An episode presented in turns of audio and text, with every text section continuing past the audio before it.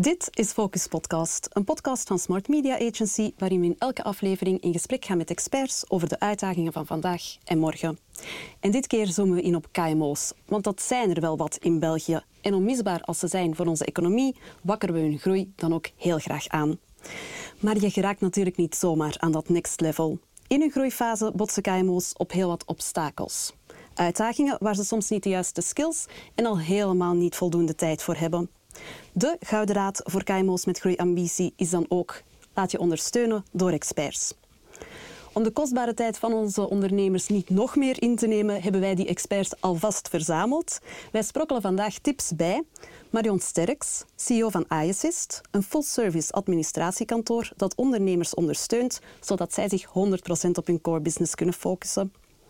Marleen Logge, co-founder en CEO van Twinsight. Dat begeleidt bedrijven in transitie en groei om hun strategische ambities te realiseren door zowel in te zetten op hun organisatiestructuur als hun cultuur.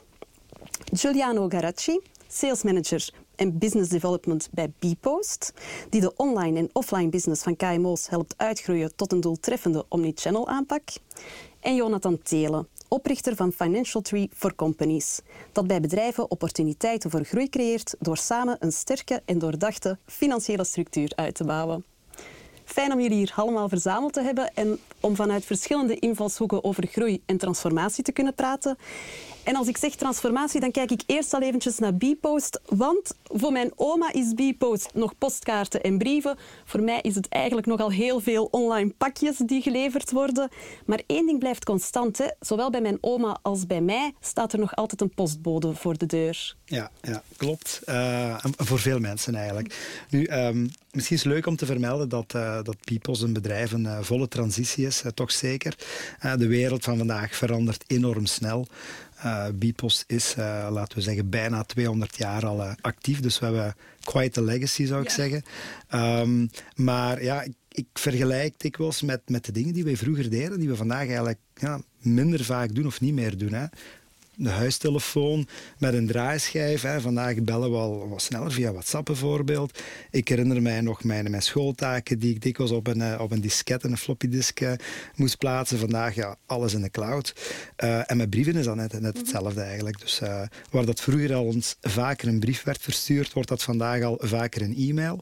En dat is eigenlijk een van de redenen waarom dat we dus echt die transformatie zijn moeten aangaan.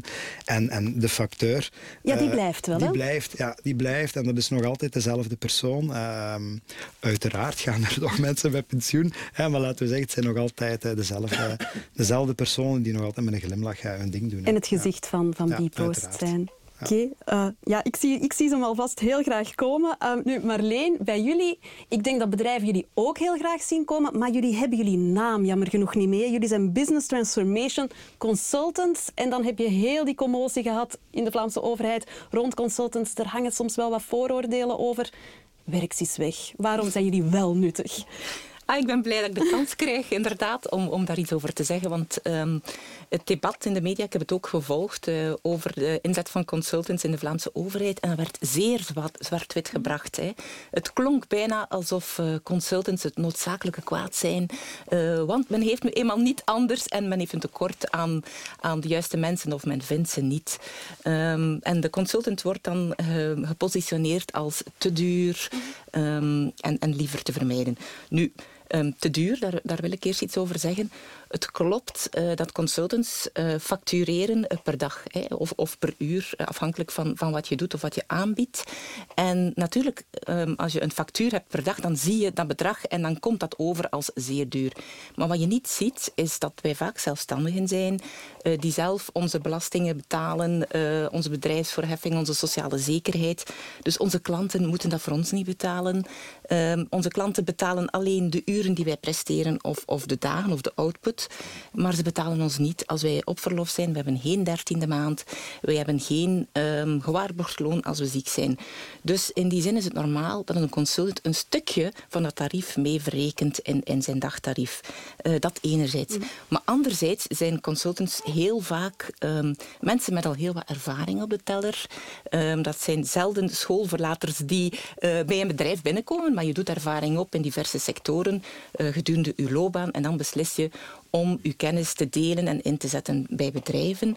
Dus ehm, wat wij ook zelf doen, is investeren in die kennis en in onze know-how ehm, en in onze opleiding. Ja, ja, je koopt echt iets aan toegevoegde waarde. Je koopt meteen toegevoegde waarde uh, die meteen inzetbaar is. Dus in die zin uh, is dat een zeer slimme investering voilà, voor voilà, En laat niemand nog iets anders beweren. Uh, Jonathan, jij, jij komt ook als adviseur over de vloer bij heel wat bedrijven. En dat is dan in de rol van financiële directeur, CFO. Uh, in het verleden was jij ook bankier. Dat zijn allemaal uh, ja, deftige functies. Dat zijn zowat meneerfuncties. Mm -hmm. maar ik lees op jouw website dat ik nooit of te nimmer mag meneren tegen jou. Waarom niet? Ja, ik vind dat je bij een meneerverhaal eigenlijk je positioneert boven iemand. Uh, ik geloof erin dat, je, dat je, iedereen gelijk is, iedereen zijn mensen, uh, ongeacht je rol in het bedrijf. Uh, dus ik vind dat je eigenlijk gewoon met elkaar moet omgaan op een normale manier, authentiek moet blijven.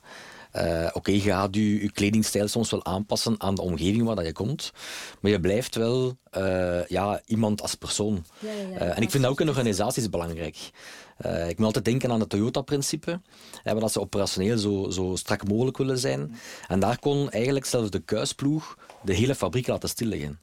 En dat vind ik superkrachtig, omdat iedereen gelijk is. Ja, ja. ja. dat is een heel mooi uitgangspunt. Uh, daar gaan we straks ook nog wel over de authentieke of verder op ingaan. Uh, in het algemeen gaan we het over groei hebben. En Marion, dan kijk ik naar jou. Want als ik zeg groeiende ondernemingen, dan mag ik van iAssist best wel een, een voorbeeld maken. Hè? Jullie zijn in volle groei. Ja, klopt. Dat kunnen we niet ontkennen. Is ook zo. Leuk, hè? We bestaan nu, we bestaan nu vijf jaar. Uh, twee, jaar. twee weken geleden hebben we ons uh, klanten-event uh, georganiseerd om onze klanten te bedanken voor het vijf jaar vertrouwen. Nu, ik heb het vrij rustig en heel bewust aangepakt, ons groeiproces. Dus ik heb mezelf echt de tijd gegund om te kijken van wie dat wij zijn. Eerst in eerste instantie, wie ben ik eigenlijk? Hè? Vanuit daar, wie is het bedrijf? De identiteit gaan creëren rond het bedrijf, in lijn met wat voor mij mijn kernwaarden en mijn sterktes zijn. En dan daarna gaan kijken van hoe wil ik gepercipieerd worden door de markt en in welke positie in de markt wil ik mijzelf plaatsen. Want hoe dan ook, een administratiekantoor is eigenlijk nog heel nieuw. Het is nog niet zodanig gekend in de markt. Dus ook vandaar wou ik ook in één keer de juiste fundamenten zetten, heel stevige fundamenten. Um, en dat betaalt zich nu wel terug. Uh, we zijn vorig jaar zijn we um, ja, geëindigd met drie mensen om de payroll. Ondertussen een half jaar later zitten we met zeven mensen om de payroll. Dus we zijn in totaal een team van acht. Dus we zijn enorm hard gegroeid het afgelopen jaar.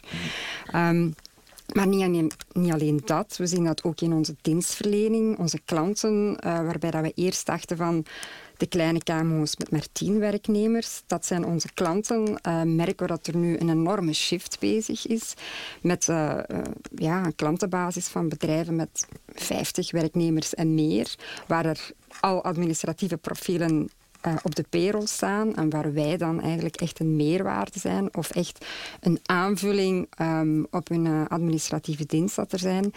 En waar dat we ook merken van een pakketje van vier uur per week, waar we dagelijks gaan, uh, elke week gaan, zien we nu ook bedrijven die die pakketten van 20, 24 uur per week afnemen.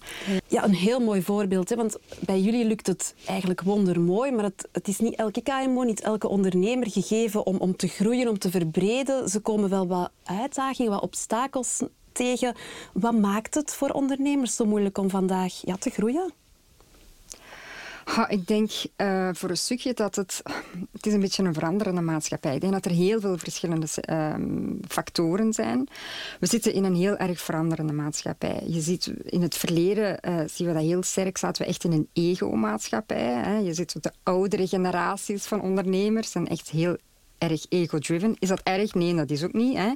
Dat is ook de tijdsgeest. Nu zien we, zien we de koppeling naar een, naar een andere maatschappij. Ik noem het een beetje emo. Het dekt het, uh, het dekt het geheel niet echt. Maar dat we zien dat we... We zitten eigenlijk in een dehumanisering van de maatschappij, waar echt iedereen als individu wordt bekeken. Dat is vooral versneld in, het, in het, de afgelopen jaren met, met de covid-periode. Dus de mensen zijn heel, worden heel individualistisch. Maar langs de andere kant is het ook zo dat ik persoonlijk vind dat um, mensen die connectie met de persoonlijkheid ook wel belangrijk vinden. We zijn nog altijd mensen en als ondernemer zijn we ook nog altijd mensen. Onze klanten zijn mensen, ondanks het feit dat we misschien in B2B zitten. Ehm, dat is een gegeven, denk ik, dat ondernemers daar niet zo vaak mee bezig zijn met de veranderende maatschappij. En langs de andere kant zie ik ook van groeiende ondernemingen dat die hun focus kwijt zijn, dat die te veel in één keer willen doen. Ehm, en volgens mij ligt daar een beetje um, de valkuilen in, uh, in het groeien. Ja, en, en om daarop aan te vullen toch wel regelgeving die vandaag toch strakker wordt, zeker in Europa noopt u eigenlijk als bedrijf om te gaan zeggen van ja, we moeten wel mee. Mm denk maar aan het duurzaamheidsaspect vandaag. Uh, denk maar aan uh, ja, de, de bankenindustrie in Amerika die wel weer kan vallen omdat het soepeler is geworden en in Europa toch strak blijft. Ja, ik, ik vind dat... Um, en België is daar misschien koploper in, in die regelgeving, dat we ook wel een beetje worden tegengehouden soms. Uh, of ons moeten herpositioneren, extra zaken gaan doen. En dat is ook denk ik wat, dat, wat dat jullie zeker een belangrijke rol kunnen inspelen in het faciliteren van hoe ga je om met al die regelgeving ja. en, en met de taken die er verplicht bij komen. Ja, ja. ja. iets wat wij vooral vaststellen, um, wel, u vraagt wat maakt het zo moeilijk om te groeien. Het hangt een beetje af van um, de maturiteit van de organisatie. Um, een groei voor een start-up is iets heel anders dan een groei traject voor een scale-up. Uh, en bij ons, onze klanten zijn vaak grote KMO's, uh, eh, vanaf 50 uh, eh, werknemers, maar meestal veel meer, die dan plots beslissen om een, om een groeiscenario aan te gaan, vaak omdat er bijvoorbeeld een externe partner kapitaal inbrengt en wil versnellen. En wat je dan vaststelt is, ja, die uh, ondernemingen of die ondernemers zijn wel expert in hun product of in hun dienst, maar vergeten naar binnen te kijken, naar hun organisatie die misschien al 20 jaar bestaat of 30 jaar en die gaandeweg is opgebouwd uh, en een bepaalde structuur heeft en procesflows. Maar vaak is die uh, structuur niet langer uh, de meest optimale structuur om in een grotere setting uh, te kopiëren. En om bijvoorbeeld verschillende afdelingen of bedrijven um, te kopiëren in het buitenland. En wat dan belangrijk is, is dat je laat kijken naar uh, de interne kant van je organisatie. Hoe ben jij georganiseerd? Hoe zit uw organigram in elkaar? Hoe zien uw procesflows eruit? Wat zijn de rapporteringslijnen? Um, om organisatieverliezen te zien en te zien van waar loopt het eigenlijk niet zo efficiënt of waar um, zijn er misschien wel blokkerende factoren die zonder dat je het weet die groei uh, in de weg staan. Ja, ja, die organische groei, dat is allemaal heel tof dat, dat is heel tof, maar ja, is eigenlijk ja. ook de grootste valkuil. Maar op een bepaald moment uh, merk je dat er een kantelpunt is uh, waar dat inderdaad de valkuil wordt of misschien zelfs een blokkerende factor ja. om echt te gaan upscalen. En, en misschien ook de verwachting, hè, dat, hè, gelezen in de, in de kranten, 10 miljoen euro opgehaald, 5 miljoen euro opgehaald. Ja, klopt. Ja. Ja, dat, dat, zijn, dat zijn de... Dat zijn de trends ook. Ja, ja dat zijn de trends en dat is niet de... Is dat ook niet ergens de schrik die, uh, die er toch nog bij veel mensen uh, ja, ergens is ingeslopen? Hè? We komen uit, uit een COVID-periode uh, waarin er tamelijk wat ondersteuning is geweest vanuit de overheid. Hè? Die, die ondersteuning is mhm. vandaag weggevallen. Heel veel cashflow is vandaag opgebrand. Mm mensen zitten aan, allee, ondernemers zitten aan hun limieten. en dan spreek ik ook over KMO's, zowel de, de, de en de Janinekes van om de hoek, als ook de grotere KMO's. Ja, ja. Die, ja, die, die toch ergens terughoudend zijn en, en ja, ergens een schrik of een vrees hebben van, ja, wat ga ik hier moeten doen? Uh, ik, ik, ik, ja, ik ben aan het nadenken over investeringen, maar zou, zou ik ze wel uitvoeren? Want stel u voor, morgen gebeurt mij weer iets anders en uh, komen wij, uh, ja, gaan we in de problemen komen. Wat dat wij bijvoorbeeld heel erg zien, is uh, helaas dat er tamelijk wat bedrijven um, toch de fles op zijn gegaan. Mm -hmm. ja. meer dan de voorbije jaren. Um, en we hebben gesprekken gehad met klanten en gaan dat straks waarschijnlijk ook merken. Ik spreek heel graag over, uh, over gebeurtenissen en voorvallen.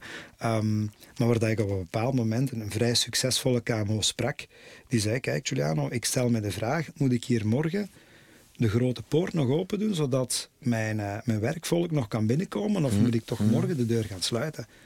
Dus ik denk dat die schrik... Ja, een, belangrijk woord dat je zegt, het schrik. Ja.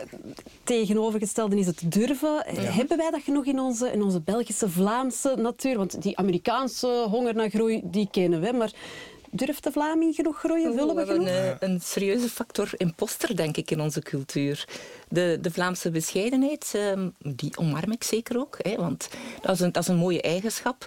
Uh, zolang het ons niet in de weg staat als ondernemer om ook uh, te durven uh, blinken en ja. uitblinken en ook te durven zeggen waar, dat, waar dat we goed in zijn.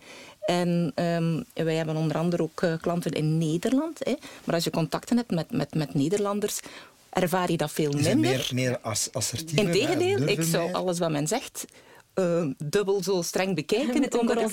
Ja, voilà. dus het zit wel heel hard ingebakken in de cultuur. In Amerika heb je dat ook veel minder. Um, ja, in Amerika is het zo, moet je zeven keer failliet gegaan zijn ja. voor een leer voilà. dat je hè, enige bescheidenheid hebt. Voilà. Ja, ja. Um, ik denk bij, bij de Belgische um, ondernemer, uh, of de Vlaamse om het daar maar te zeggen, groei wil ook zeggen dat je jezelf moet tegenkomen. Hè. Je moet jezelf in de spiegel durven kijken. Ja. En dat is eigenlijk al mm-hmm. uh, een gegeven. Wij zijn zodanig opgegroeid in een comfortzone. In die comfortzone is het heel gemakkelijk, heel aangenaam. Maar om te groeien moet je daaruit gaan. En moet je eigenlijk, ja, kom je jezelf vaak tegen. En groeien doet pijn. Ja. Punt. En dat is ook niet lineair. Hè? Dat is ja, ook trial dat is ook zo. error. Tuurlijk, ja. dat is ook zo. Maar je moet dat wel je moet dat wel durven aangaan. En um, is dat erom pijn dat lang duurt? Nee, dat, dat is ook niet. Um, soms wel, soms niet. Maar ja, daarin zitten wij ja, ook een beetje geconditioneerd, denk ik. Hè? De, de Vlaamse bescheidenheid. En zeggen van, oh, ja, het is, het, is, al lang goed zo. Ik denk dat daar een beetje het, uh, het grote verschil is. Ik stel de vraag of dat, dat niet gelinkt is aan het feit dat we toch wel wat gesandwiched zijn tussen ja, grote en, en mature markten. Ik kijk er natuurlijk naartoe vanuit mijn bril uh, mm -hmm. e-commerce. Um, als je kijkt naar, naar Duitsland, UK, Frankrijk, Nederland, dat zijn toch echt wel mature markten. En dan zitten wij daar als klein Belgenlandje tussen. Um, in een e-commerce context kunnen we bijvoorbeeld Benelux en Frankrijk niet lostrekken van de kander. Hè. Mm -hmm, ja. uh, ben je actief in Vlaanderen, kijk je snel naar Nederland. Ja. Ben je actief in, in Wallonië, kijk je snel naar Luxemburg en Frankrijk. Uh, maar we zien wel dat de, de toegang of de toetreding tot die landen niet altijd zo vlekkeloos verloopt omdat wij ook deels ja, bescheiden zijn en die durf, ja, het, het, ontbreekt ons dikwijls. En dan zien wij langs onze kant ja, de zoveelste Nederlandse prijsknaller de grens oversteken, dat we denken, allee kom. Ja, maar anderzijds vind ik wel, je, je, hebt, allee, je hebt risico, is een negatieve connotatie. Maar je kunt dat ook berekenen, je risico. Mm -hmm. Als je op voorhand, veel mensen denken strategisch wat verder na. Waar gaan we naartoe? Welke evoluties gebeuren in de markt? Maar berekent die eens. Wat, wat mm. betekent dat als je een extra dienst gaat verlenen of een extra product op de markt brengt? Ja. Welk risico ga je eigenlijk aangaan? En dat is, ja, dat, is, dat is een beetje de vraag, is dat wel voldoende berekend? Ja, ja en dat we wat Want risico is negatief, en per definitie ja. leert je. En eigenlijk in ons oermens zijnde, ja, zijn wij risicoavers. Mm. Ja, dus je moet dat wat toelaten. En door berekende risico's te nemen of, of tussenstapjes te nemen, kan je wel gaan zeggen van, oké, okay, eigenlijk is dat, valt dat wel nog mee. En ik ga dat toch misschien uitproberen. Maar uiteindelijk denk ik ook inderdaad, je hebt een goed strategisch plan nodig, waarbij dat je dat risico berekent, een marktstudie doet enzovoort. Mm -hmm. En daarnaast volg ik ook jou. Hè, uh, hoe, hoe sta je er zelf tegenover? Ja. Welke houding heb je, welke mindset? Um, en wat wij graag um, promoten is uh, reflective practitioning. Waarbij dat je zegt, oké, okay, ik probeer dingen uit, ik geloof erin, ik ga voor mijn doel, maar ik stuur onderweg bij. Wat werkt er wel, wat werkt er niet? Hey, en als, een, als consultant doen wij dat ook. Hey. We hebben een rugzak vol bagage uit allerlei contexten en situaties. En dan komen we in weer een nieuwe context. En dan proberen we iets uit dat in een totaal andere setting gewerkt heeft. En misschien nu zal werken, maar als het niet werkt, sturen we bij. Ja, ja, ja. Um, ja. En op die manier. Bij ons niet. Nee, bij ons is het. Nee, uh, nee en daar zouden we ons wel wat van bewust mogen zijn. Voilà. en, en, dan toch een beetje die sprong durven wagen. Ik zie dan wel weer een ander obstakel op de weg liggen. Het, het woord viel al een paar keer, het, het financiële aspect. Want ja, je kan willen wat je wil, je kan durven wat je durft. Maar als het geld er niet is, is, is het financiële misschien soms ook een obstakel? Ja, sowieso. En ik denk dat je vandaag ook in een context zit hè, door de voorbije, ik noem het bijna drie crisissen. Hè, Covid, Oekraïne en Rusland. En eigenlijk een stukje ja, ja, banken. En je bent die Amerikaanse banken er ook ja, alweer aan bij dat ook die schrik wel heeft. En, en dan supply chain problemen. Mm -hmm. Dat je eigenlijk gewoon denkt van, is het hier wel nog de moment om iets te gaan doen? Banken zijn veel meer gereguleerd in Europa, waardoor dat zij ook minder krediet verschaffen. En dan ga je naar een context zoals de UK en Nederland, waar je veel meer combinaties hebt van financieringspartijen. Ja. Maar dat is nieuw voor ons. Okay. Wat dat wij zien inderdaad, is dat het minder nu bij banken gezocht wordt, maar meer bij extern kapitaal, hè, private equity, uh, fondsen. Maar natuurlijk, als je de twee modellen naast elkaar zet, een bank zal zich veel minder moeien ehm, of bemoeien hè, met, het, uh, met het strategisch beleid van de organisatie. En een externe financierder... Die wil iets te zeggen hebben. Die heeft een zitje in de raad van bestuur veelal. Ja. En die zal ook mee investeren um, in de groei. Wat niet noodzakelijk slecht is. Want zij brengen ook weer externe competenties nee, aan boord. Um, ook zeggen dat ja, rond de 60, 70 procent van de KMO's zijn familiebedrijven. Juist, ja. Die staan wel sterk op de rem voor, voor extern kapitaal. Alleen toch aandeelhouderskapitaal. Behalve als ze groot genoeg beginnen worden. Um, maar je merkt dat KMU tot 50 mensen, ja, die, die willen groeien, die willen iets bewerkstelligen. Bij de bank was vroeger de partij om bij te gaan. Vandaag is het een partij geworden. Okay. Ja. Een van de zoveel. De en de, de, de, de, de bril gaat eigenlijk wat breder. En de mensen kennen dat gewoon niet. Of onvoldoende. Uh, en dat is wel leuk dat er nu veel meer beweging in zit. Maar bon, dat is ook weer een soort van risico. Hè, van, ik ken die niet, zal ik dat wel gaan doen?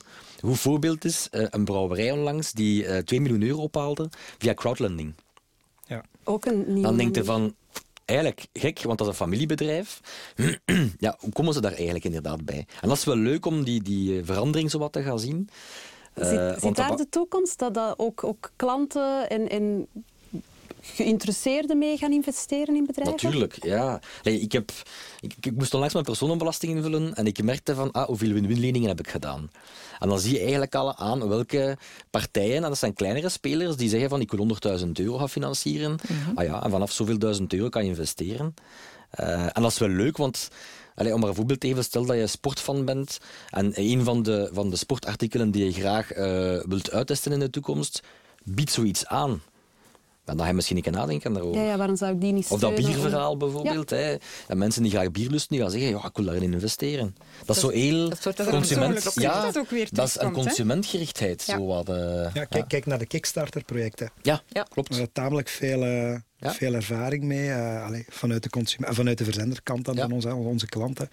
Uh, ja, uh, vroeger kenden wij dat amper. En vandaag, uh, het ene project na het andere Ja. wordt, uh, Ja. wordt gelanceerd. Dus, wel, allee, het, is, het is tof dat die dingen ook bestaan. Ja. Ja, ja, dus het geld is er. We moeten alleen een beetje gaan zoeken waar we het gaan halen en naar een, een mix van financieringsmogelijkheden. Ja, ik vind ook wel, natuurlijk, de banken worden strenger bekeken nu. Ze hebben veel meer regels intern, waardoor ze minder krediet verschaffen. Maar wat dan een, een keerzijde ook is, is dat je moet heel veel in waarborg geven. En bij een appartement of een huis gaat dat.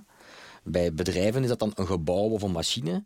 Maar stel dat je wilt naar groei gaan, dan ga je nieuwe dingen soms uitproberen. Ja, je hebt nog dat is niet enkel een nieuwe machine, maar dat is ook eh, innovatief zijn. Dat is onderzoek gaan doen, dat is marketing, dat is eh, extra personeel aanwerven.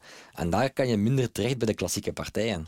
Ja, vandaar die mix Ja, vaak. ja, ja, dat mandje volleggen met verschillende zaken. Oké, vraagt wel weer wat, wat kennis, wat onderzoek van de ondernemer. En dat mag een CEO nog zo straf zijn als hij of zij wil. Die heeft ook maar 24 uur in een dag. En dan denk ik, mij lijkt een groot obstakel bij groei tijdtekort. Eh, Hoe doet een CEO het? Hoe moet hij het doen? Hoe, hoe vult hij zijn dagen? Nu ja, door te groeien ehm, is het zo dat je... Ja, ik heb het zelf ook eh, ontdekt, uiteraard. Hè. Soms heb je een, wil je groeien, maar heb je een tekort aan resources.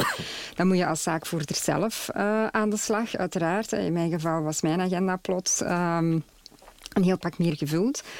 Ehm, tot op een gegeven moment dat je op een punt komt hè, dat je wel eh, aan die resources kunt geraken. En dat is goed, hè. dat is aan zich niet slecht. Hè. Als, als, als zaakvoerder, als ondernemer is dat part of the job. We moeten daar niet, we moeten daar niet onnozel over doen. Maar zolang als dat maar tijdelijk is, is dat oké. Als je het, het licht aan het einde van de tunnel ziet, hè, bij wijze van spreken.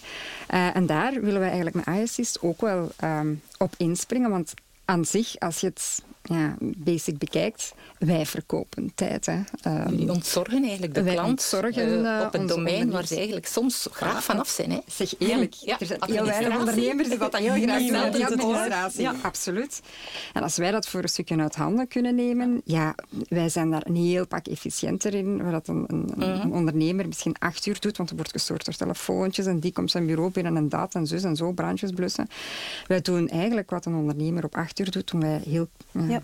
eh, denk dat gefocust het- op vier uur, Ja. gemakkelijk. Ja. En het is Heel ook gedaan, hè. het is heel efficiënt. Ja, en plus wat de rest wordt aanhaalt ook. Hè. Je moet niet fulltime iemand betalen Nee, om nee, die, die werken te kunnen uitvoeren. Maar ze worden wel uitgevoerd. Ja, voilà. Ja. Ja, dat echt wel een mooie oplossing is in de huidige context van ondernemers die een passie voor een product of een dienst hebben, maar eigenlijk dat stuk er niet graag bij nemen. Absoluut, hè. Dat absoluut. Is, eh, ja. Eigenlijk zeg je van, hey, ondernemer, focus je op je core, hè, Ja. waar je goed in, in bent. En, en dat zien wij ook. Hè. Onze klanten kennen als de beste hun product, hun markt, hun dienst. Hè. Maar, maar besteed misschien uit eh, waar je minder goed in bent ehm, en wat noodzakelijk is om te kunnen groeien. Voilà. Maar anderzijds ook, eh, choose your battles. Hè. Soms moet je een stukje achteruit kunnen gaan om nadien eh, verder te springen. En moet je misschien durven beslissen om een aantal interne projecten, die ook allemaal belangrijk zijn, hè, maar om die tijdelijk on hold te zetten, ehm, juist om die sprong te kunnen maken en om nadien eh, weer met volle kracht vooruit te kunnen gaan. Dus ik denk dat er het antwoord een beetje in de twee zit. Hè. Omring je met experten, doe bero- beroep op externe partijen. Ehm, en choose your battles. Ja. Ja. En, en wat jij zegt, herken ik ook. Want ehm, ja, wij zijn net als jou, wij bestaan zes jaar. Ja. Wij zijn ook gegroeid van twee nu naar tien eh, personen. Dus eigenlijk zeer gelijkaardig. Ehm, en een van onze minder ehm, ontwikkelde kanten was marketing. en dat hebben we uitbesteed. Dus wij hebben zelf ook gezegd van, goh, en dat, dat er ook nog bij, dat is nu te veel van het goede. Plus, het is onze expertise niet.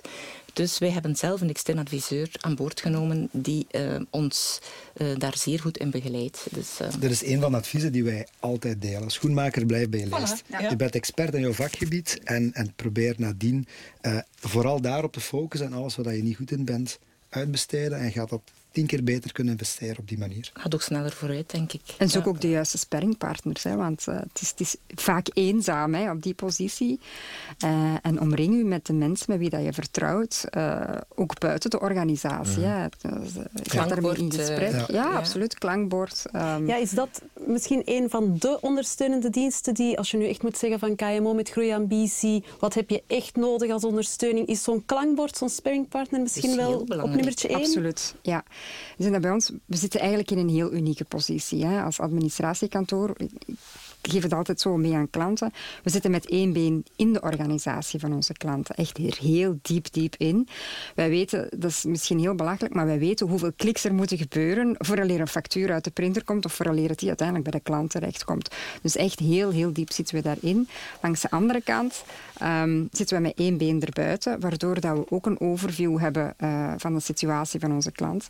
We hebben ook eh, de connectie met, met andere klanten. Eh, de ene keer zit je misschien bij een bouwbedrijf, de andere keer werk je met, eh, met klanten die in crypto handelen, dus alles daartussenin. Dus wij, wij merken ook vaak dat we de, de kennis van ene klant overbrengen naar de andere klanten. Ik, ik, zou, ik zou zelfs ook, ook de klankbord, hè, ik zou dat nog wat, Uiteraard. wat ruimer eh, willen trekken. Hè. Dus niet alleen dat je externe expertise aan boord haalt, maar dat je ook eh, met andere ondernemers kunt sparren. Eh, als je aan het groeien bent, er zijn zeer veel netwerken Ja. of eh, ook informele netwerken. En ik eh, stel vast dat ondernemers dat ook doen. Dat zij met elkaar praten, dat zij ook met hun zorgen en hun uitdagingen bij elkaar terecht eh, kunnen. En dat doen wij trouwens ook. Hè. Wij zijn aan het groeien, eh, maar wij spreken ook met andere partijen zoals ons, die hetzelfde hebben meegemaakt, die dezelfde uitdagingen hebben. Niet op je eiland blijven Ik haal zitten. daar heel veel uit. Ja, absoluut. Ja. Omdat je ook kruisbestuiving hebt. Hè. Je krijgt ook andere inzichten. Ja, en ik denk ook dat, dat je gewoon als bedrijf een stuk st- structuur wil hebben, een stuk basis wil hebben.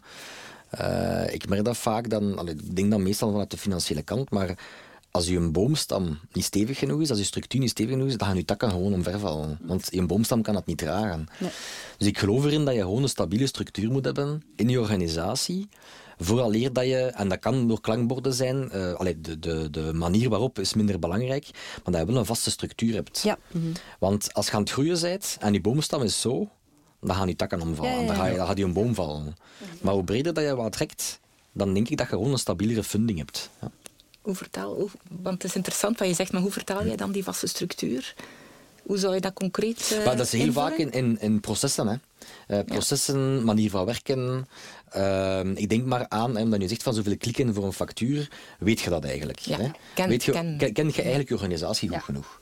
En het, eh, de valkuil bestaat denk ik in een groeifase, dat je als ondernemer die ooit alleen is gestart, je begint te groeien en te groeien, maar je bent niet meer de productpersoon die dit vroeger Nee, was. nee, klopt. Dus je besteedt het uit en eigenlijk word je meer een beetje leader in dat verhaal. Hè? En dat is, dat is een moeilijke Dat zie je heel kanttekening. veel. Ja, ja. Want, los, Maar je ja. hebt geen zicht meer. Voilà, en je, je, je begint zoals stilletjes aan misschien de feeling wat te verliezen.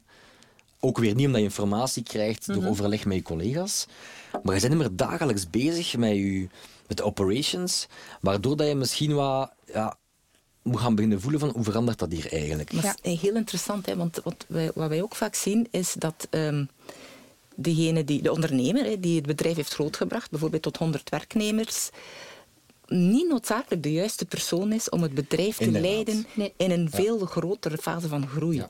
En een zeer slimme keuze daar is dan om bijvoorbeeld uit te kijken naar een externe CEO die je aan boord neemt. Eh, waarbij je als stichtende ondernemer in de raad van bestuur zetelt, maar dat je eigenlijk een echte manager het bedrijf eh, laat leiden. Want dat zijn niet noodzakelijk ehm, gelijklopende competenties. Ja, ja, ja, dus ik hoor Ja. klankbord, Ja. ik hoor sparringpartner, ik hoor externe expert wanneer het nodig is. Ik hoor ook die, die, die boomstam, die stabiele structuur, maar die gaat ook op het financiële plaatje weer. We- weten de ondernemers nog wel ja, hoe Ja, een ik- boekhouding juist ineens zit? Ja, ik ben telkens verrast dat ze wel met termen goochelen. Eh, en dan denk ik van, oké, ja, dat zijn allemaal sexy termen dat je hoort, maar kunnen we mij een keer uitleggen hoe dat je dat berekent? En dan zie je toch wel vaak zo wat aarzelende eh, antwoorden. Ik vind, ik vind het ook weer, schoenmaker blijft bij je leest. Keep it simple. Eigenlijk, iedereen hij kan van zijn boekhouder wat uitleg krijgen. Maar de vraag is, ga je naar de toekomst kijken of naar het verleden? Het verleden is belangrijk om te registreren, want hij wilt geen problemen met de overheid uiteraard. Maar weet je wat je binnen zes maanden staat? Weet je welke beslissing, welke financiële impact dat die gaat hebben? Ehm, reken je verlies in? Stel dat je in het buitenland iets wil gaan doen, eh, je wilt daar een partij gaan overtuigen om samen te werken. Ja, ga je rekenen dat dat misschien niet lukt? Dat zijn zo zaken die ik vind dat je wel moet in kaart brengen. En ja, dat is een brekend risico voor mij. Ik gun... Allee, een groot verschil tussen techsectoren die hè, 10 miljoen euro ophalen. Onlangs zelfs een AI-toepassing. Ze bestaan vier weken en ze halen 100 miljoen euro. Fantastisch Ze gedaan. hebben nog niks bewezen. Ja. Allee, ik, ja, ik ja, vind dat eigenlijk niet logisch. Hè. Dat is, Oké, AI is hot vandaag, dat is waar. Maar je bent vier weken bezig, je hebt geen trackrecord, je kunt niks tonen. Het is risicovol. Hè? Dat is heel risicovol. Allee, ik hoorde vandaag nog op, op, eh, op de radio, het was niet de radio, maar ook een podcast, waarbij dat ze zeiden van ja, de, de biotechsector hè, heeft min 90% rendement gehad de voorbije jaren. Ja, dat is R&D, hè, dat is onderzoek en als het niet lukt, zij het geld kwijt. Hè. Allee, Het risico is daar veel ja, terwijl bij KMO's, die niet, eh, de klassieke sectoren in de KMO's, ja, die denken daar anders over. Ja. En ja, ik heb voor een paar start-ups ook gewerkt en je hebt- dat is een andere, vibe, een andere Dat is anders, denkpatroon. ja. Andere Een heel ander denkpatroon. Ja. Ja. Ja. Met die- Veel geld opdoen eigenlijk, eh, ja, in alle eerlijkheid. eh, Ja, ja, ja. dat is ook zo. Ja, terwijl dat je voor de klassieke ondernemer wel zegt van houd dat financieel plaatje toch maar wat beter Ja. in het oog. Maar dan heb je financiële kennis nodig. En ik spring even naar, naar het e-commerce verhaal. Net zoals financiële kennis kan ik mij voorstellen dat ook eh, IT-kennis en, en heel het e-commerce kennisverhaal niet zo aanwezig is bij de klassieke ondernemer. Hebben Ja. jullie daar een belangrijke rol dan in te spelen om die te Uiteraard, begrijpen? uiteraard. Eh, ik, ik- moet het, eh, ik moet niet uitleggen dat, dat wij nog altijd ehm, marktleider zijn in wat dat we doen, eh sedert, sedert jaar en dag. Ehm, wat dat wij heel specifiek doen, we hebben x aantal business experten die eigenlijk samen met sales mee de baan op gaan, mee de klanten gaan bezoeken en vooral dat strategisch advies gaan Ja. verlenen. Schoenmaker blijft bij lees, zei ik er straks al. Eh, ik verwacht niet dat de personen waar wij mee spreken, dat de bedrijven die wij spreken, dat die in ene keer expert zijn in alles wat vandaag zo hard verandert. Eh, dus het is aan ons, en we hebben daar die rol in te spelen, om, om die kennis over te dragen. En daar genereren wij dus ook heel vaak die meerwaarde. Ja, ja. Ehm, wij eh, ja, zitten eigenlijk eh, in ons achtertuin, bij wijze van spreken, te kijken wat kunnen wij veranderen, welke technologie wordt er op ons losgelaten. AI werd net gezegd. Ehm, ik denk dat wij al weken en weken, alhoewel het is al een aantal weken verdacht stil, eh, maar eh, iets langer eh, ervoor horen we toch vaak eh, spreken over ChatGPT onder andere. Ehm, het verrast me nog altijd als wij in contact komen met onze klanten en potentiële klanten, hoe weinig dat ze eigenlijk erover kennen. En dat is en een dan stel ik me de vraag, het is toch, het is toch niet moeilijk om ja, een keer online te gaan en een, en een korte video te bekijken over ja, die technologie. Kan dat iets betekenen voor mij of niet? Hè? Waar dat wij bijvoorbeeld heel sterk in zijn, is het benchmarken. Hè? We hebben een heel deel actieve klanten. Dus we weten heel goed eh, wat werkt er nu juist wel, hè? wat werkt er nu juist niet. En hoe kan die nieuwe tech- technologie de KMO's eigenlijk verder helpen, want zij hebben vaak die kennis niet in huis. Hè. Ze zijn niet de Amazons en de Bols van deze wereld, maar ze zijn vaak hè, de kleinere spelers. En daar hebben wij dus die taak te vervullen om hun bij te brengen hoe dat ze die technologie onder andere Maar ligt het dan ook niet aan, aan het, de Vlaamse bescheidenheid weer van ja, wat is de afwachtendheid? Ik denk dat het is omdat de ondernemer vandaag, de doorsnee ondernemer, ik wil niet iedereen over de ka- dezelfde kam scheren, uh, maar er zijn er best veel die vandaag meerdere patches tegelijkertijd moeten dragen. Ja. Hè? De bent multifocus, hè. en, en boekhouder en marketeer en productspecialist. Hè. Je hebt een zaak te leiden. Eh, Je hebt dan vaak ook nog naast je zaak een familie en gezin. Ja, klopt. Dus het is, het is heel moeilijk om dat allemaal te combineren. En wat dat wij ook al geregeld hebben gezien, is dat bepaalde ondernemers zich dan ehm, ja, laten, laten meenemen in een verhaal en dan net toevallig het verkeerd verhaal, helemaal het vertrouwen verliezen en dan zijn ze terug bij af, vaak in een klein hokje en schrik om terug te springen. Ja, ja. Ehm, en, en, en nogmaals, gelijk ik er straks zei, en ik, en ik blijf het delen, eh, doe waar dat je goed in bent en al de rest verde- eh, eh, besteed het uit. Ja, mij, mij verbaast dat niet hoor, dat de ondernemer daar, de doorsnee ondernemer daar niet veel mee bezig is. Want dat is ook zo iets specifieks. Hè? Ja. Eh, jullie hebben dan die expertise, eh, jullie hebben mensen die daar dagelijks mee bezig zijn. Ja. Dus voor een ondernemer is dat ook interessant, dat je zelf ehm, ja, aanbiedt en, Ja, en deelt bouwen, hè, en kan bouwen. Ja. Natuurlijk, allee, de, de, de, om maar consultingcultuur leeft bijvoorbeeld beter in Nederland. In België Ja. eh, is dat zo'n beetje een, ja, een negatieve connotatie soms, terwijl dat... dat Die heeft al weggewerkt. Hè? ja, maar, zeggen. ja, maar dat is hela- helaas wordt dat Nee, zo gepercipieerd. vertrouwen maar- moet je winnen. Ja, En maar in Nederland bijvoorbeeld, of, of in, ex- in andere landen, wordt dat iets meer omarmd. Ja. Ja. Ja. Om te zeggen van, oké, ik ga op uw beroep doen. Hè, Ja. En we'll see. Ja. Ja, ja, dus die, Eh. die gouden raad moeten we meenemen. Doe Ja, beroep sowieso. op experts Ja. die dan goed zijn in waar dat zij mee bezig zijn. Voilà. Focus jezelf op die core business. Ja. En dan, als ik die tips meeneem, waar ga ik dan in groeien, vraag ik mij af. Want dan heb je nog allerlei mogelijkheden. Ik blijf even bij dat e-commerce verhaal. Als ik mijn eigen shoppinggedrag bekijk, dan denk ik, daar zit de groei voor ondernemingen. Ze- Ze moeten online gaan. Klopt dat? Is het daar te doen? er is nog altijd heel veel groei te halen in e-commerce. Zitten wij vandaag nog altijd aan die double-digit growth ten opzichte van eh, 2014, 2015? Helaas niet. Eh, maar het stijgt nog altijd. Eh, het is nog altijd een sector waar dat en wij, maar ook andere bedrijven heel hard in geloven. En de mogelijkheden zijn er nog. Ehm, ik, ik, ik denk dadelijk terug aan, aan een slide die, die ik geregeld wel alles deel, eh, wanneer ik eh, links of rechts wel een lezing geef. Ehm, is er nog ruimte voor een nieuwe speler bijvoorbeeld? Absoluut. Oké. Ook voor kleine Voor nieuwe kleine spelers, uiteraard. Gaat het moeilijker worden? Natuurlijk. Hè? Ben je in 2003, in 2013 of in 2023 aan het starten? Het, is, het is natuurlijk een groot verschil. verschil, Maar als ik bijvoorbeeld vergelijk, en ik ga een leuke anekdote delen. Ik, eh, een aantal jaar geleden werd ik gebeld door de, de kantoorhouder van het postkantoor op de Eiermarkt. En belt me op en zegt, Giuliano, kijk, eh, je moet zeker twee gasten gaan bezoeken. eh, jonge mensen, eh, die komen hier geregeld langs met een berg pakjes. Eh, dus oké, Giuliano, de auto in. Ehm, ik rij naar die gasten. bleek, bleken die twee gasten studenten te zijn. hè, op kot, midden in de examenperiode. Heel die kot ondersteboven, die syllabussen die links en rechts lagen. Ehm, maar die kerel die hadden een schitterend idee. Die hadden een webshop en die webshop was maar één keer per maand open. Die hadden een zwart scherm, een countdown. Hè. Schaarste Drie creëren. dagen, Een twee countdown, uur, hè. 35 minuten en drie seconden. Twee seconden. Seconde. Ik zeg, jongens, ik zeg, allee, dat is er inderdaad puur op schaarste. Hè, Ik ben wel getriggerd. hè, Wat doen jullie juist? Eh Swat fast forward, ik denk vier, vijf jaar later, hebben die twee kerels een schitterend merk uit de grond gestampt. eh, Suspicious Antwerp. Ah ja, Ehm, dat leeft. voor, voor, voor ehm, de jeugd toch zeker gekend. Ja. Ik denk dat die als doelpubliek 16, 24 jaar hebben. Ehm, ze werken met top-influencers samen. Eh, Ja, ze zijn de wereld van aan het veroveren. Internationale Ja. acteurs en zo zelfs, hè, die dat... En er- uit ja. onze achtertuin. Ja. Dus is er ruimte voor Het nieuwe kan. spelers op de Ja. markt? Absoluut. Oké. Maar het vraagt wat creativiteit. Als het. Uiteraard. Ja. En. Voilà, en een stukje identiteit Ja, ook. Hè? maar het stukje, en daar wil ik zeker even op inpikken. Voor mij was het de zoveelste jong, jonge bedrijf die eh, eh, custom prints gingen printen op een t-shirt. Ja. wat maakt dat zij het net wel op een goede manier hebben gedaan? En wat is inderdaad die crea- creatieve... eh, En een goede marketing, hè? Ja, een niche. Ja, inderdaad. Ja. Dus, Ja. hebben ze schitterend gedaan. En als je nu daar net iets minder in bedreven bent, je bent een, een klassieke ondernemer, kan je dan nog tegen de, de, ik ga die namen dan wel eventjes gooien, Amazon, Bol.com, kan, kan je er Tuurlijk. tegenop? Wat, wat maakt ons dan... Tuurlijk, nog altijd. Ehm, de vraag die wij dikwijls stellen is, waarom koopt een consument online? En waarom moet diezelfde consument bij jou kopen en niet bij de buur? En de antwoorden die je daarop kunt, kunt verzinnen, dat zijn dikwijls de sterke punten waar dat je verder dan op, op moet Ja. focussen.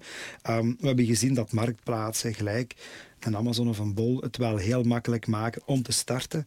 Ehm, ik heb een legio voorbeelden van eh, kleine ondernemingen Die mee op die golf surfen. die, die, die een bijberoep hadden.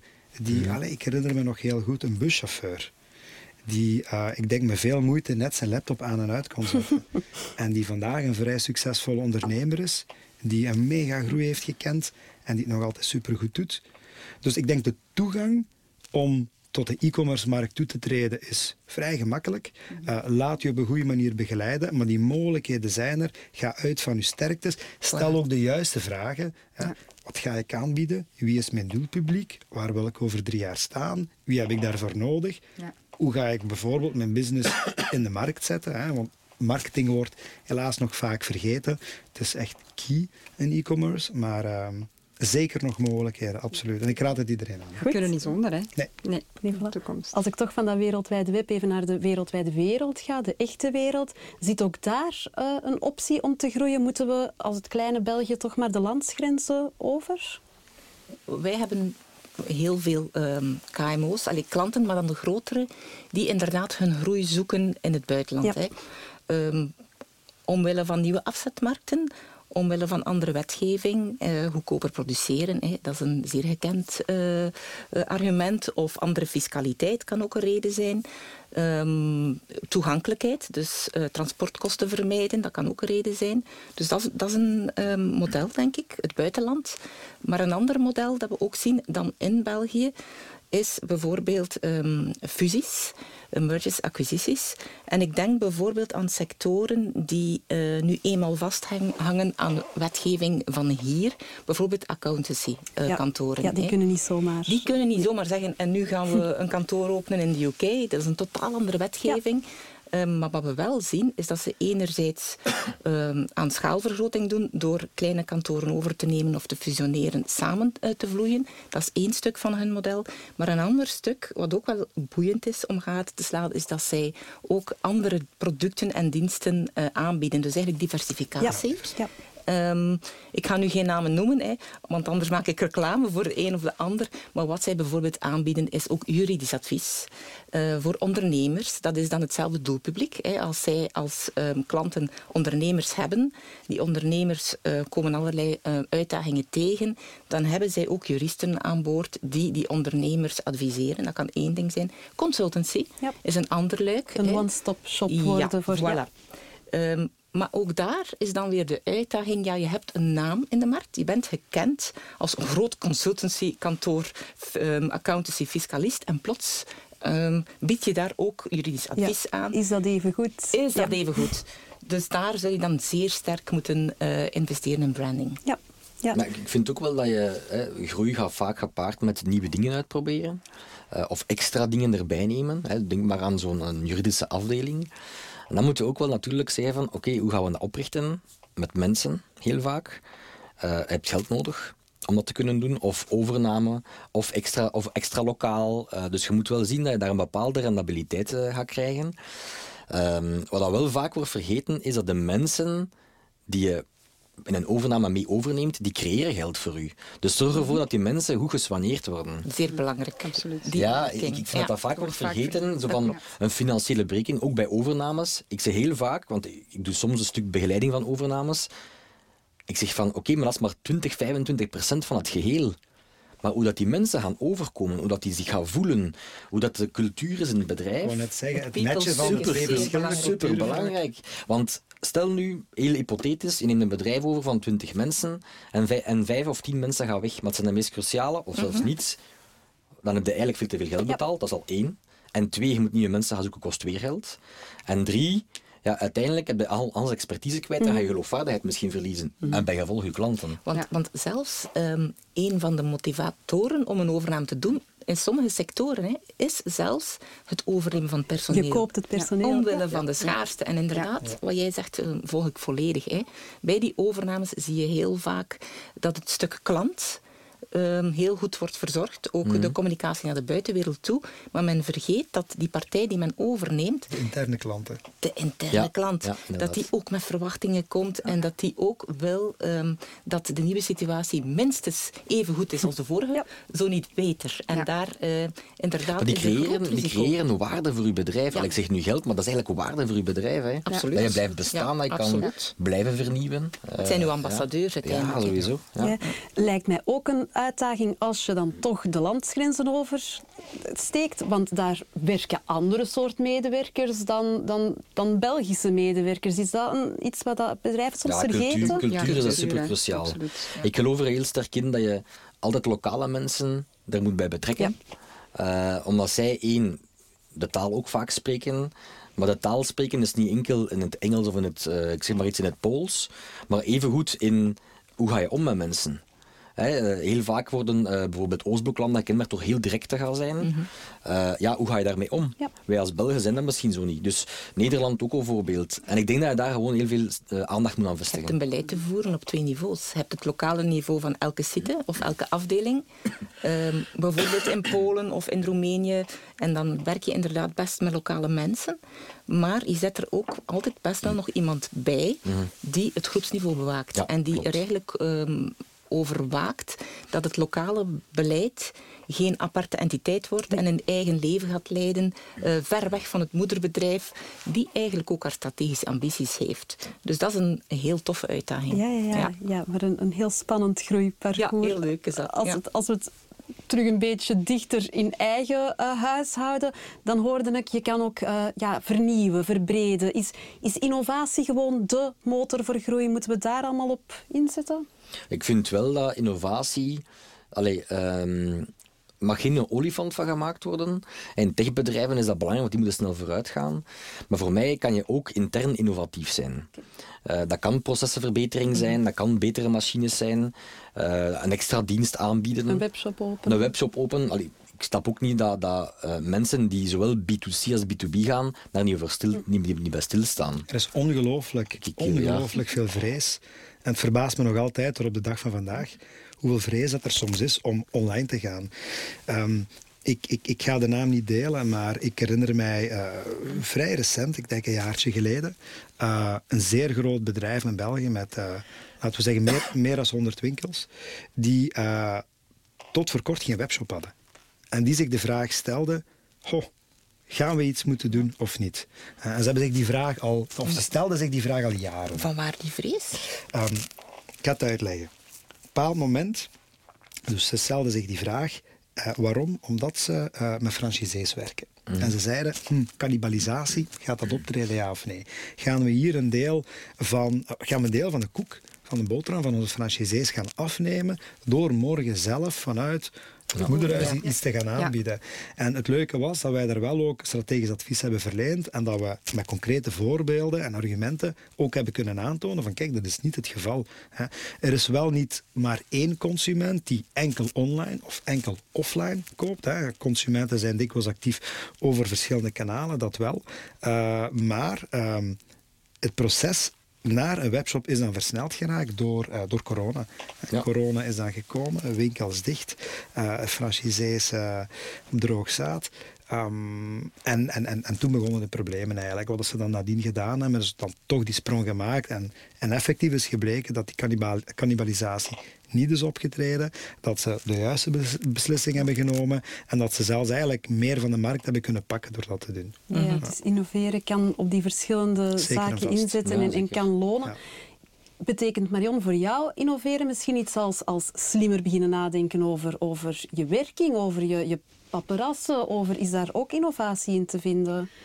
Ja, er zijn tegenwoordig zoveel op, uh, softwareoplossingen. Hè. Voor ons is het dan echt uh, de key om te kijken met welke softwareoplossingen kunnen wij werken. Nu, we zijn sowieso heel flexibel, hè, daar niet van, uh, naar onze klanten toe. Maar we zijn ook reseller van een, van een bepaald administratietool. En ook daar, hè, langs de andere kant, is ook een beetje um, ja, de mensen die voor ons werken. Welke expertises gaan we in huis halen? Want die hebben allemaal wel, wel hun kennis.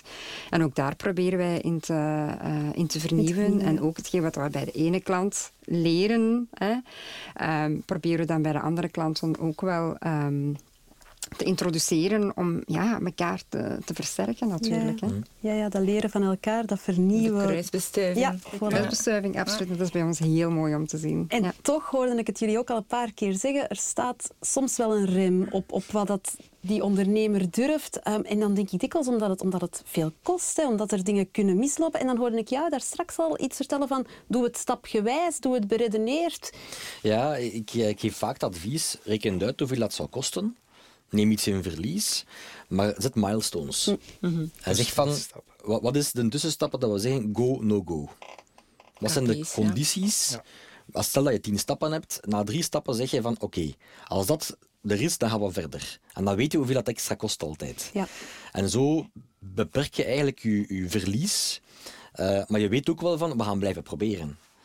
En ja, ik vind gewoon dat heel veel bedrijven die tussenstappen niet maken. Nee. Dat ze zeggen van, goh, dat kost, nu, een webshop kost mij 20.000 euro. Dat is veel geld. Mm -hmm. Oké, okay, maar dat is misschien omdat je dat gehoord hebt van iemand anders die andere futures wou. Ja, ja misschien kan je al met een andere basic opties beginnen. Ja. En de mensen leven zo met, ik heb dat gehoord van iemand anders. Ja.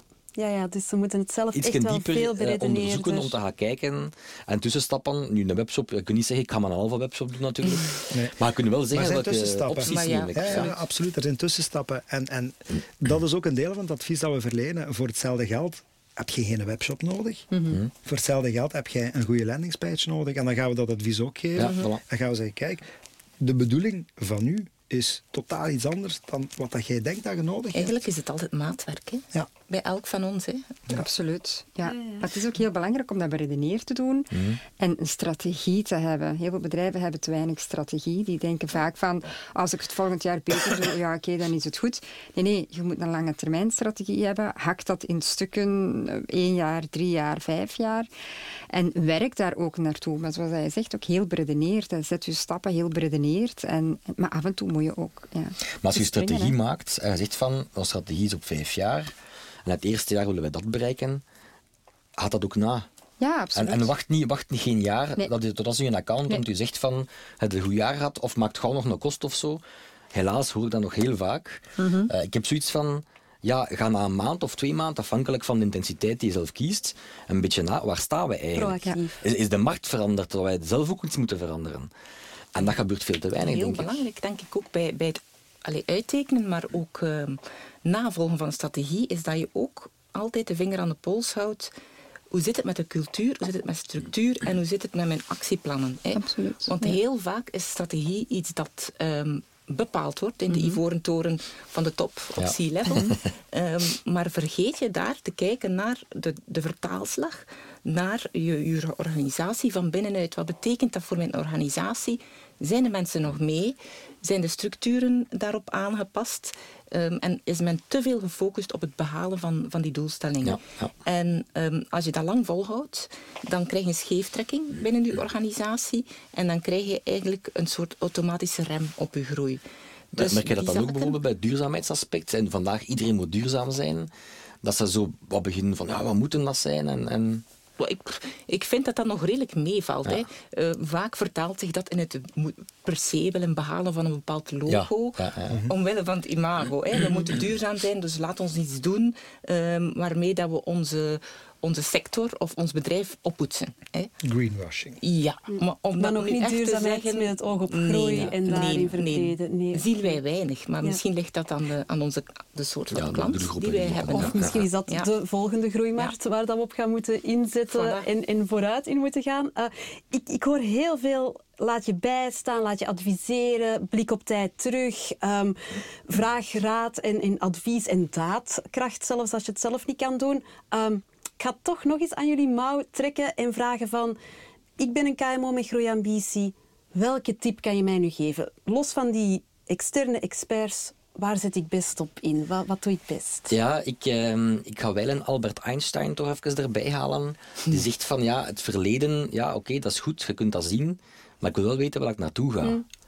En ik, ik vind het belangrijk dat je het verleden kan identificeren en de inzichten kan meenemen. Maar als je niet weet waar je binnen zes maanden gaat staan, of dat dan nu op strategisch is, of je workflows, of wat dan ook, of, of, of financieel, dat wil je toch weten? Ja. Ga ik nog zes maanden leven of niet? Creëer voor jezelf een glazen bol. en zeker, je hebt een stuk verantwoordelijkheid naar bijvoorbeeld 50 medewerkers. Ja, die, die kijken wel naar u, hè. Die kijken naar, eh, bijvoorbeeld als CEO naar u van, ja, gaan wij hier nog betaald worden? Ja. Hè? Want we hebben een huis af te betalen, et cetera. Dus ik vind wel die blik naar de Ja. toekomst, vind ik eh, cruciaal. Ja. Oké, goede tip. Hebben we er zo nog? Zet u een poster opzij. Ik weet niet of echte ondernemers daar heel veel last van hebben. Vlamingen hebben er last van. Hè. Durf ervoor te gaan. Eh, choose your battles. Ja.